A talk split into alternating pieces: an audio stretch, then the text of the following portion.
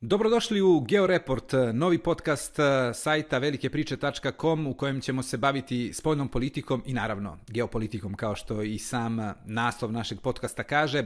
Za prvu epizodu smo izabrali odnos između Zapada i Kine i u tom kontekstu smo postavili 10 pitanja na koje ćemo pokušati da vam damo što iscrpnije odgovore. Prvo i osnovno pitanje, možda i ono najopasnije i najteže, da li će i kada doći do sukoba između Zapada i Kine? Da li je Kina okružena azijskim NATO-om u rađanju? Šta o svemu misle Amerikanci?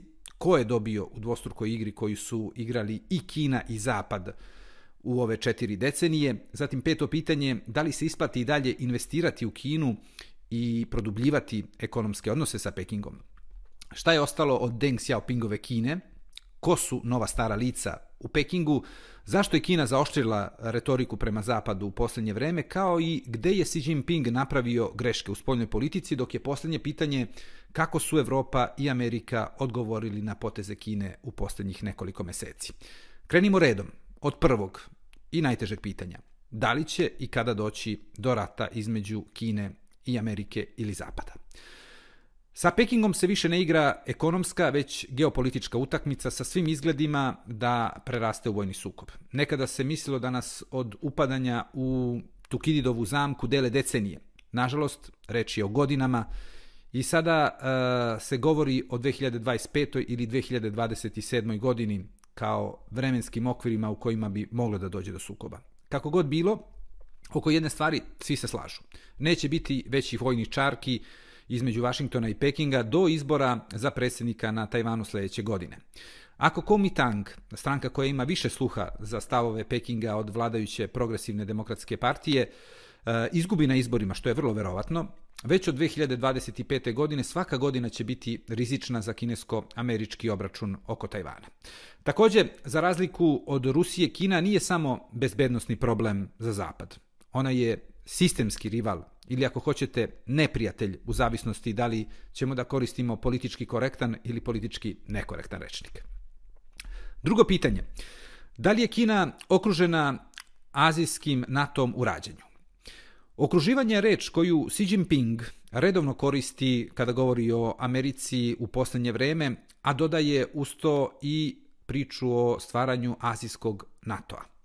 To što je neko diktator ne znači da ponekad i ne govori istinu jer Sjedinjene američke države zaista jesu formirale nekoliko strateških saveza u Aziji, počev od Japana i Južne Koreje, zatim Vjetnam, Filipini, Malezija, Singapur i na kraju Indija, a ne zaboravimo i Australija koja drži leđa Amerikancima u tom regionu.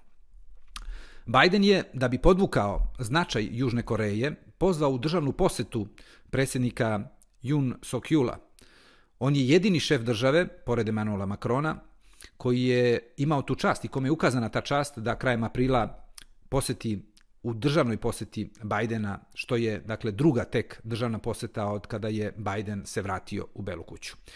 Dakle, posle Japana, Australije i Indije, ne bi bilo iznenađenje da u kvadu vidimo i Južnu Koreju. Za Kinu je neprihvatljivo u bezbednostnom smislu da njihov najveći rival Sjedinjene američke države uz pomoć saveznika Japana, Južne Koreje, Filipina ima geostratešku prednost u Žutom moru, Južnom i Kineskom istočnom moru, a potpuno nepodnošljivo da postoji zemlja koja je dokaz da grupa Han, dominantna etnija kako na kontinentu, odnosno u Kini, tako i na Tajvanu, može da živi u liberalno-demokratskoj i pravnoj državi. Drugim rečima, da demantuje svojim postojanjem komunističku propagandu da je samo centralizovana Kina sa diktatorskim režimom moguća. Šta o svemu ovome misle Amerikanci? Direktorka američkih obaveštajnih službi Avril Haines je prošle nedelje, predstavljajući u kongresu godišnji izveštaj o pretnjama po Sjedinjene američke države, konstatovala da je kineska komunistička partija, i ovo nije greška, ona je zaista podvukla kineska komunistička partija, ne Kina, i to nije mala stvar, veoma je bitna ta razlika, da je dakle kineska komunistička partija najveća pretnja za nacionalnu bezbednost i vodeću planetarnu ulogu Vašingtona. U izveštaju se navodi da će Kina pojačati rad na unifikaciji sa Tajvanom, što podrazumeva miniranje uticaja i pozicije Sjedinjenih američkih država i stvaranje razdora, kako unutar Amerike između različitih političkih e, snaga, tako i između američkih saveznika u Aziji i u Evropi. Ističe se da će Kina promovisati još snažnije autorarni, e, autoritarni sistem oblika vladavine svuda gde bude mogla, uključujući i Evropu. Istovremeno, Peking će, kad im to bude odgovaralo, raditi na smirivanju tenzija sa Vašingtonom i sa Zapadom, ali neće prihvatiti sporazume o razoružanju ili limitiranju proliferacije oružja.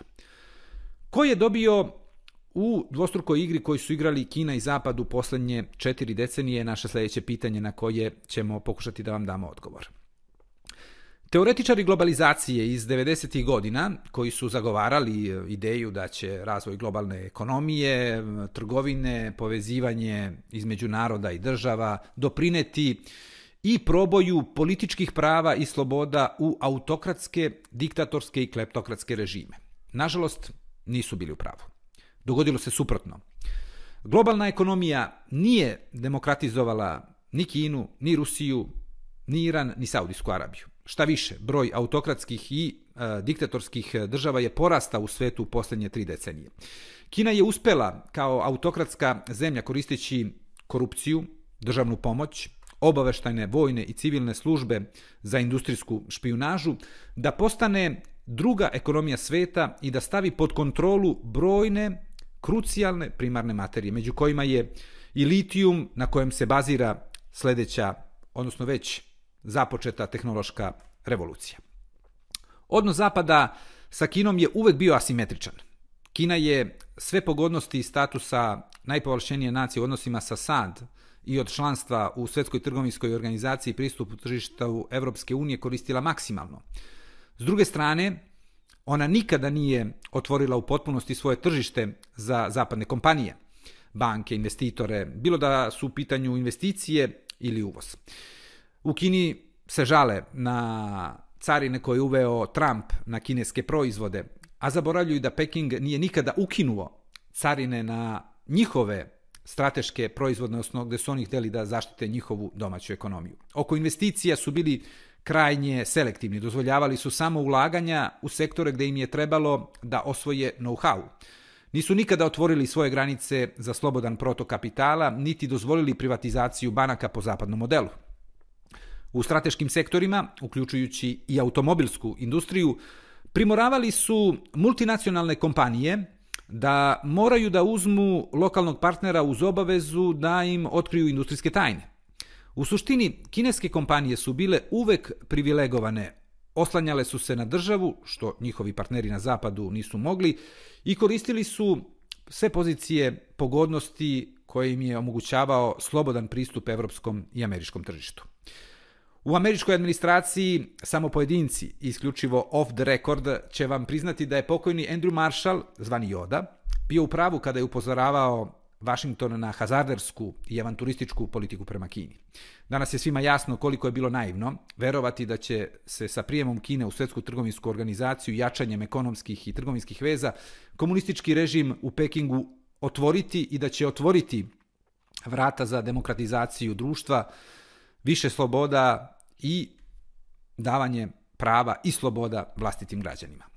Sa naknadnom pameću možemo da kažemo da su kineski komunisti nadmudrili zapad, američku administraciju, zaplenje, zaslepljene, tako da kažemo, profitima kojim je poslovanje sa Kinom omogućavalo u ovim prethodnim decenijama. U celoj priči čini se da su Evropa i Amerika ispali korisni idioti za uzdizanje najjače totalitarne države koju je svet upoznao. Tako da postoji realna opasnost da svi zajedno platimo visoku cene pohlepe pojedinih industrijalaca na zapadu koji su želeli da preko Kine se obogate još više, a za rezultat ćemo imati Kinu koja će pre ili kasnije početi još snažnije da oblikuje ili barem da pokušava da oblikuje svet po svojoj slici i prilici. Sledeće pitanje je da li se isplati e, investirati dalje u Kinu i da li treba produbljivati ekonomske odnose sa Pekingom. Kod preduzetnika, industrijalaca, bankara, investitora ne bude shvatio da su vremena opaske Jamesa Carvilla, spin doktora Billa Clintona iz 90. godina It's economy, it's economy stupid i da je došlo vreme slogana It's geopolitics stupid, probudit će se jednog jutra, brže nego što se misli, bez ičega. Globalna ekonomija više nije dobitna karta jer su na zapadu shvatili da ona vodi ka kineskoj pobedi sa nesagledivim posljedicama e, na sudbinu planete. Zato su sada ključne parole samoodrživost, nezavisnost, diversifikacija i stvaranje blokova država sa istim političkim i ekonomskim svetonazorima. Pandemija i sve uzavrelije vode u Južnom Kineskom moru su pomogle Bajdenu da dobije većinu u kongresu za usvajanje industrijskih politika koje su srušile logiku diktata Wall Streeta s ciljem da otvore što je više moguće proizvodnih kapaciteta na teritoriji Amerike i u zemljama saveznicima. Na strategiju američkih kompanija u dobroj meri e, je uticao i rast troškova proizvodnje u Kini koji je postao značajno veći nego što je u Vjetnamu, Indiji, Maleziji ili Filipinama. Reč je o zemljama koje su sve u američkom anti-kineskom bloku i na spisku kandidata, kako bi to u Pekingu rekli, za stvaranje novog azijskog NATO-a. Američki kolosi, Apple i Boeing, i pored toga što su investirali ogromnu sumu novca u Kinu, su odlučili da izmeste svoju industriju iz Kine i da je presele u Indiju, kladeći se na reforme Modijeve vlade, koje bi e, trebalo da učine indijsku birokratiju transparentnijom i efikasnijom. Novi iPhone će se proizvoditi južno od Himalaja, dok će u Vjetnamu biti nastavljena proizvodnja, e, odnosno sklapanje iPada i slušalica AirPods. Microsoft i Google se sele također e, iz Kine u Vjetnam. I američki političari su počeli da pokazuju mišiće. Ford, čiji su vlasnici još od osnivanja, i odnosno od njihovog osnivača Henrya Forda, imali problematične, da koristimo eufemizam, političke ukuse, su napravili potez u kontrasmeru, prebacujući proizvodnju električnih automobila iz Indije u Kinu. Međutim, onda ih je dočekao hladan tuš u Virginiji. Guverner Glenn Young King, jedan od mogućih kandidata za republikansku nominaciju na predsjedničkim izborima, ako ne sljedećim onda onim koji će biti 2028. godine, je blokirao finansiranje dobrim delom i državnim novcem fabrike za proizvodnju baterije za automobile jer je Ford planirao tu investiciju zajedno sa kineskim kompanijama. Šta je ostalo od Deng Xiaopingove Kine? Xi Jinping je prošle nedelje demontirao i posljednji delić e, Dengove Kine i otvorio, možemo da kažemo, autoput ka povratku u Maovu, centralnu komunističku imperiju. Si nije samo koncentrisao moć, objedinjujući sve tri najvažnije funkcije, dakle predsjednik države, generalni sekretar partije i predsjednik centralnog vojnog komiteta, odnosno šef vojske, da tako kažemo. On je istovremeno i oslabio i praktično ispraznio kad su pitanju nadležnosti i moć sve ostale funkcije, uključujući i onu premijera. Li Keqiang, dojučerašnji predsjednik vlade i posljednji političar eh, koji je pripadao tom prethodnom periodu, pre nego što je Xi Jinping došao na vlast, je ostavio vrlo enigmatičnu poruku. Nebo gleda šta ljudi rade. Nebeski svod ima oči. Šta je Kechi Young teo time da kaže, vreme će pokazati. Uglavnom od Dengovog mehanizma da spreči kreiranje novog eh, Mao Cedunga nije bukvalno ostalo ništa. Vlast Cija je neograničena sa svim posljedicama koje takav atavistički pristup vlasti, mm, kako bih rekao, proizvodi. Si je zagrlio sve retrogradne ideje Mao Tse-tunga i pored toga što je Isti taj Mao Tse-tung degradirao njegovog oca i izložio maltretiranju čitavu porodicu, uključujući i samog Sija, odnosno Jinpinga. Povratak lenjinizma kao sistema vlasti, totalna centralizacija, dominacija partije nad državom, i tu se vraćamo na onu opasku i poruku šefice američkih obaveštajnih službi da je kineska komunistička partija najveća pretnja za bezbednost Sjedinjenih američkih država, imaju supremaciju nad državom. Upregnuta je ekonomija u ostvarivanje političkih ciljeva i geopolitičkih ciljeva, sve sa povratkom na hibridnu plansko-tržišnu ekonomiju u kojoj se u fabrikama i kompanijama ponovo pojavljuje figura kojeg mi u Jugoslaviji poznajemo kao političkog komesara. Kina nije zatvorena zemlja kao što je bila za vreme Mao Tse-tunga, ali je mnogo manje transparentna nego što je bila pre dolaska na vlast Cija pre 10 godina. Međutim, i najtotalitarniji režimi imaju potrebu za koliko toliko velikim konsenzusom. Budući da komunistički režim ukida i ono malo sloboda što je bilo, jedine poluge koje vlasti u Pekingu imaju nameru da koriste u ostvarivanju konsenzusa su ekonomija, udaranje u ratne bubnjeve, bildovanje nacionalizma oko Tajvana i širenje animoziteta prema liberalnim demokratijama Zapadu i Americi. Izvinite, živi program. Dakle, problem je što su pomenute poluge u kontrapoziciji. Peking je, odnosno Peking se sprema za osvajanje Tajvana, vodi kampanju protiv svojih najvećih poslovnih i trgovinskih partnera, a bez globalne otvorene ekonomije Kina ne može dovoljno privredno da raste da bi garantovala dakle poboljšanje životnog standarda svojim građanima. Jednostavno unutrašnje tržište i unutrašnja potražnja nisu na takvom nivou da bi mogli da budu dovoljni da e, izdrže, odnosno da e, omoguće samo održivu ekonomiju Kini. Sljedeće pitanje, ko su nova stara lica u Pekingu?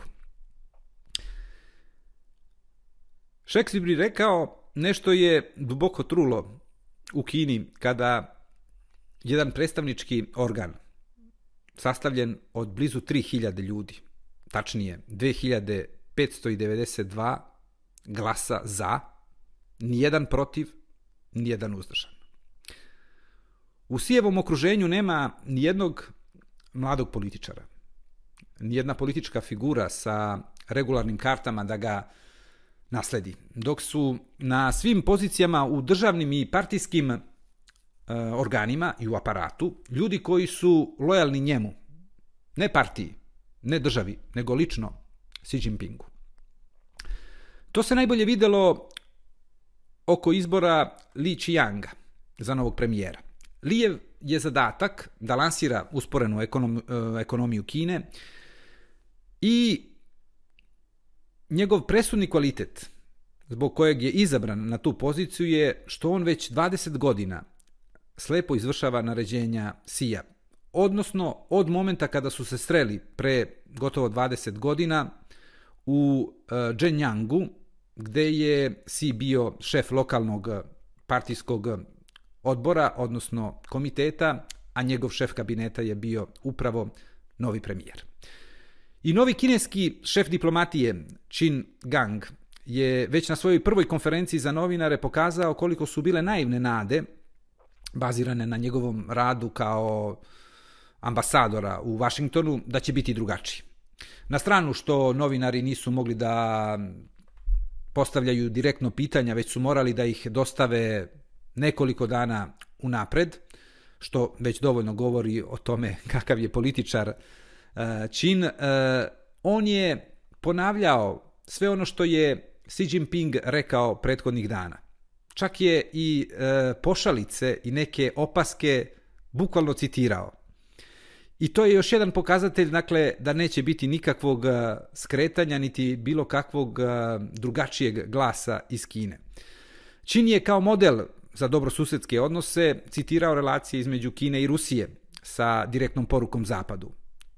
Što svet bude turbulentniji, odnosi Pekinga i Moskve će biti sve razgranatiji i sve intenzivniji. Indikativno je i da Čin, kao i ruski zvaničnici, upotrebljava reč, odnosno ne upotrebljava reč rat, a kamoli invazija ili agresija, već formulu ukrajinska kriza, za koju je, naravno, u kineskim očima, odgovora NATO. Najjača indirektna poruka Vašingtonu ipak je imenovanje Li Shangfua za ministra odbrane. Reč je o generalu kineske vojske koji se nalazi na crnoj listi američke administracije. Liju je zabranjen ulazak u Ameriku zbog toga što je sarađivao veoma blisko sa ruskom vojnom obaveštajnom službom i bio je ključni šraf, igrač, posrednik, kako god hoćete, u kupovini ruskih ratnih aviona i protivraketnog sistema famoznog S-400. Sljedeće pitanje, zašto je Kina zaoštrila retoriku u posljednje vreme? Na spoljnom političkom planu u Pekingu više ne koriste njima svojstvene diplomatske mimikrije da bi prikrili hegemonističke aspiracije.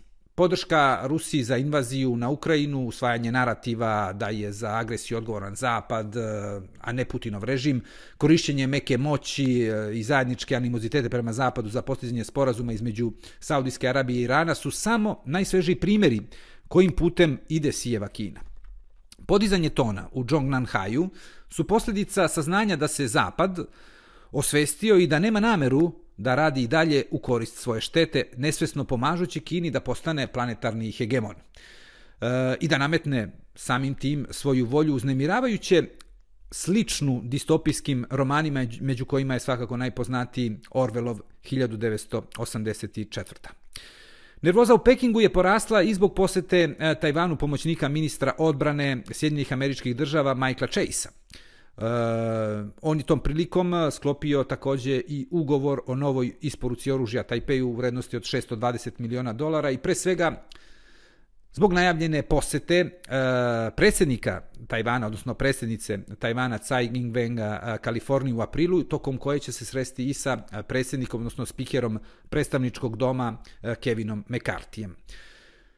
Neće dakle biti susret kao sa Nancy Pelosi na Tajvanu, već u Americi i to je otprilike, možemo da kažemo, kompromis koji je e, Amerika napravila, odnosno korak malo u stranu ili unazad, ne želeći da gura baš bukvalno prst u oko Kinezima.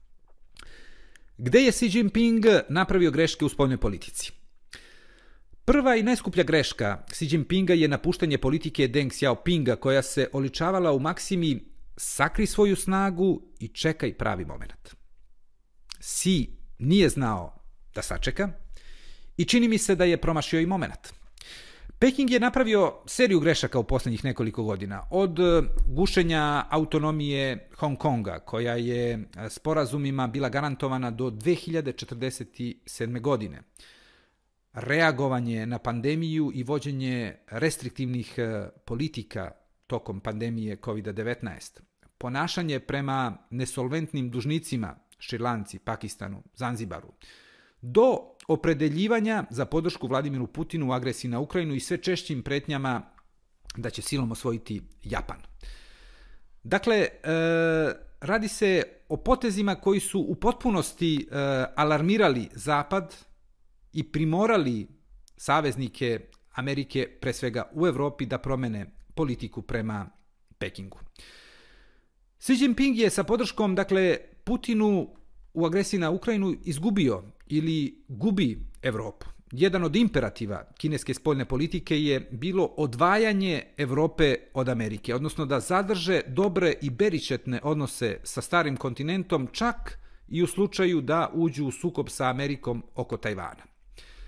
To se posebno, dakle, odnosilo, znači čitav taj scenario se odnosio i zato su im bili potrebni dobri odnosi sa Europom da bi mogli da imaju slobodan, odnosno olakšanje na tom frontu u odnosima sa Europom da bi mogli da se svom snagom usresrede na Tajvan.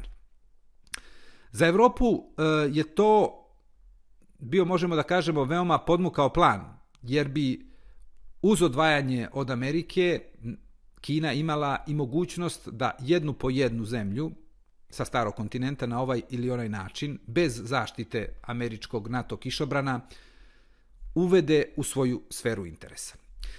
Američka taktika odvraćanja preko transparentnosti nije dala željene rezultate sa, sa Rusijom. Washington je plasirao mesecima, kao što se možete setiti, e, vesti o napadu Rusije na Ukrajinu, nadajući se da će sa obelodanjivanjem planova e, Kremlja zaustaviti ratni pohod Putinovog režima na, na Ukrajinu. Amerikanci sličnu politiku primjenjuju i sa Kinom, objavljujući vesti koje govore da Kina snabdeva oružjem Rusiju ili priprema planove za napad na Tajvan. Logika te komunikacije je prilično slična, ako ne ista sa onom koji su potrebili prema Rusiji. Znamo šta se sprema i znajte da ćete platiti visoku cenu. To je otprilike poruka Sjedinjenih američkih država.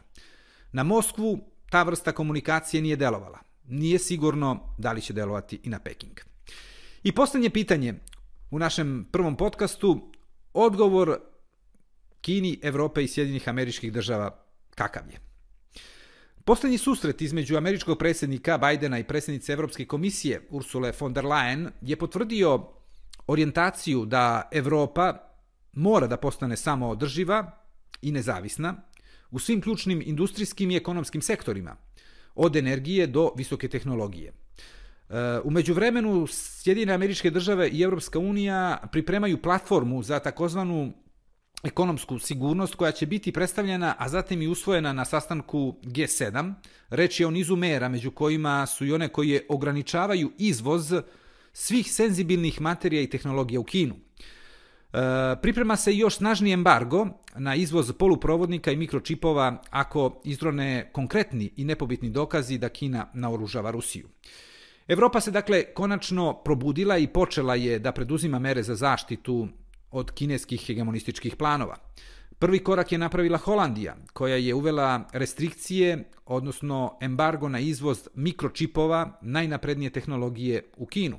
To je bio eksplicitan zahtev eh, predsjednika Sjedinjenih američkih država Joea Bidena na posljednjem sastanku sa holandskim premijerom Markom Ruteom. Drugi veliki proizvođač mikročipova, Japan je eh, još od ranije podržao američku eh, politiku sankcija i embargo na isporuku mikročipova u Kinu. Tako da sa ovim zabranama Kina se nalazi u veoma nezgodnoj situaciji jer neće moći da prati tehnološki razvoj Sjednih američkih država i njenih saveznica u sledećem periodu. Druga velika pobeda Bajdena je početak izbacivanja kineskih telefonskih e, operatera i uklanjanje kineske 5G mreže iz Evrope. Nemački kancelar Olaf Scholz priprema uh, set mera koji će primorati uh, E, telefonske operatere da uklone svu tehnologiju Made in China. Radi se o epohalnom potezu jer je gotovo tri petine 5G e, mreže u Nemačkoj kineskog porekla. Kancelar Scholz je shvatio da su kineske kompanije i njihova tehnologija neka vrsta modernih trojanskih e, konja. Važi za Nemačku, važi i za druge. Ko to ne bude razumeo, završit će kao troja, mogli bi metaforički da kažemo. Ne veruj da najcima, pardon, mandarinima nikad darove nose. Ovo je bio naš prvi podcast Georeport u kojem smo govorili o odnosima između Kine i Zapada. Hvala što ste nas pratili.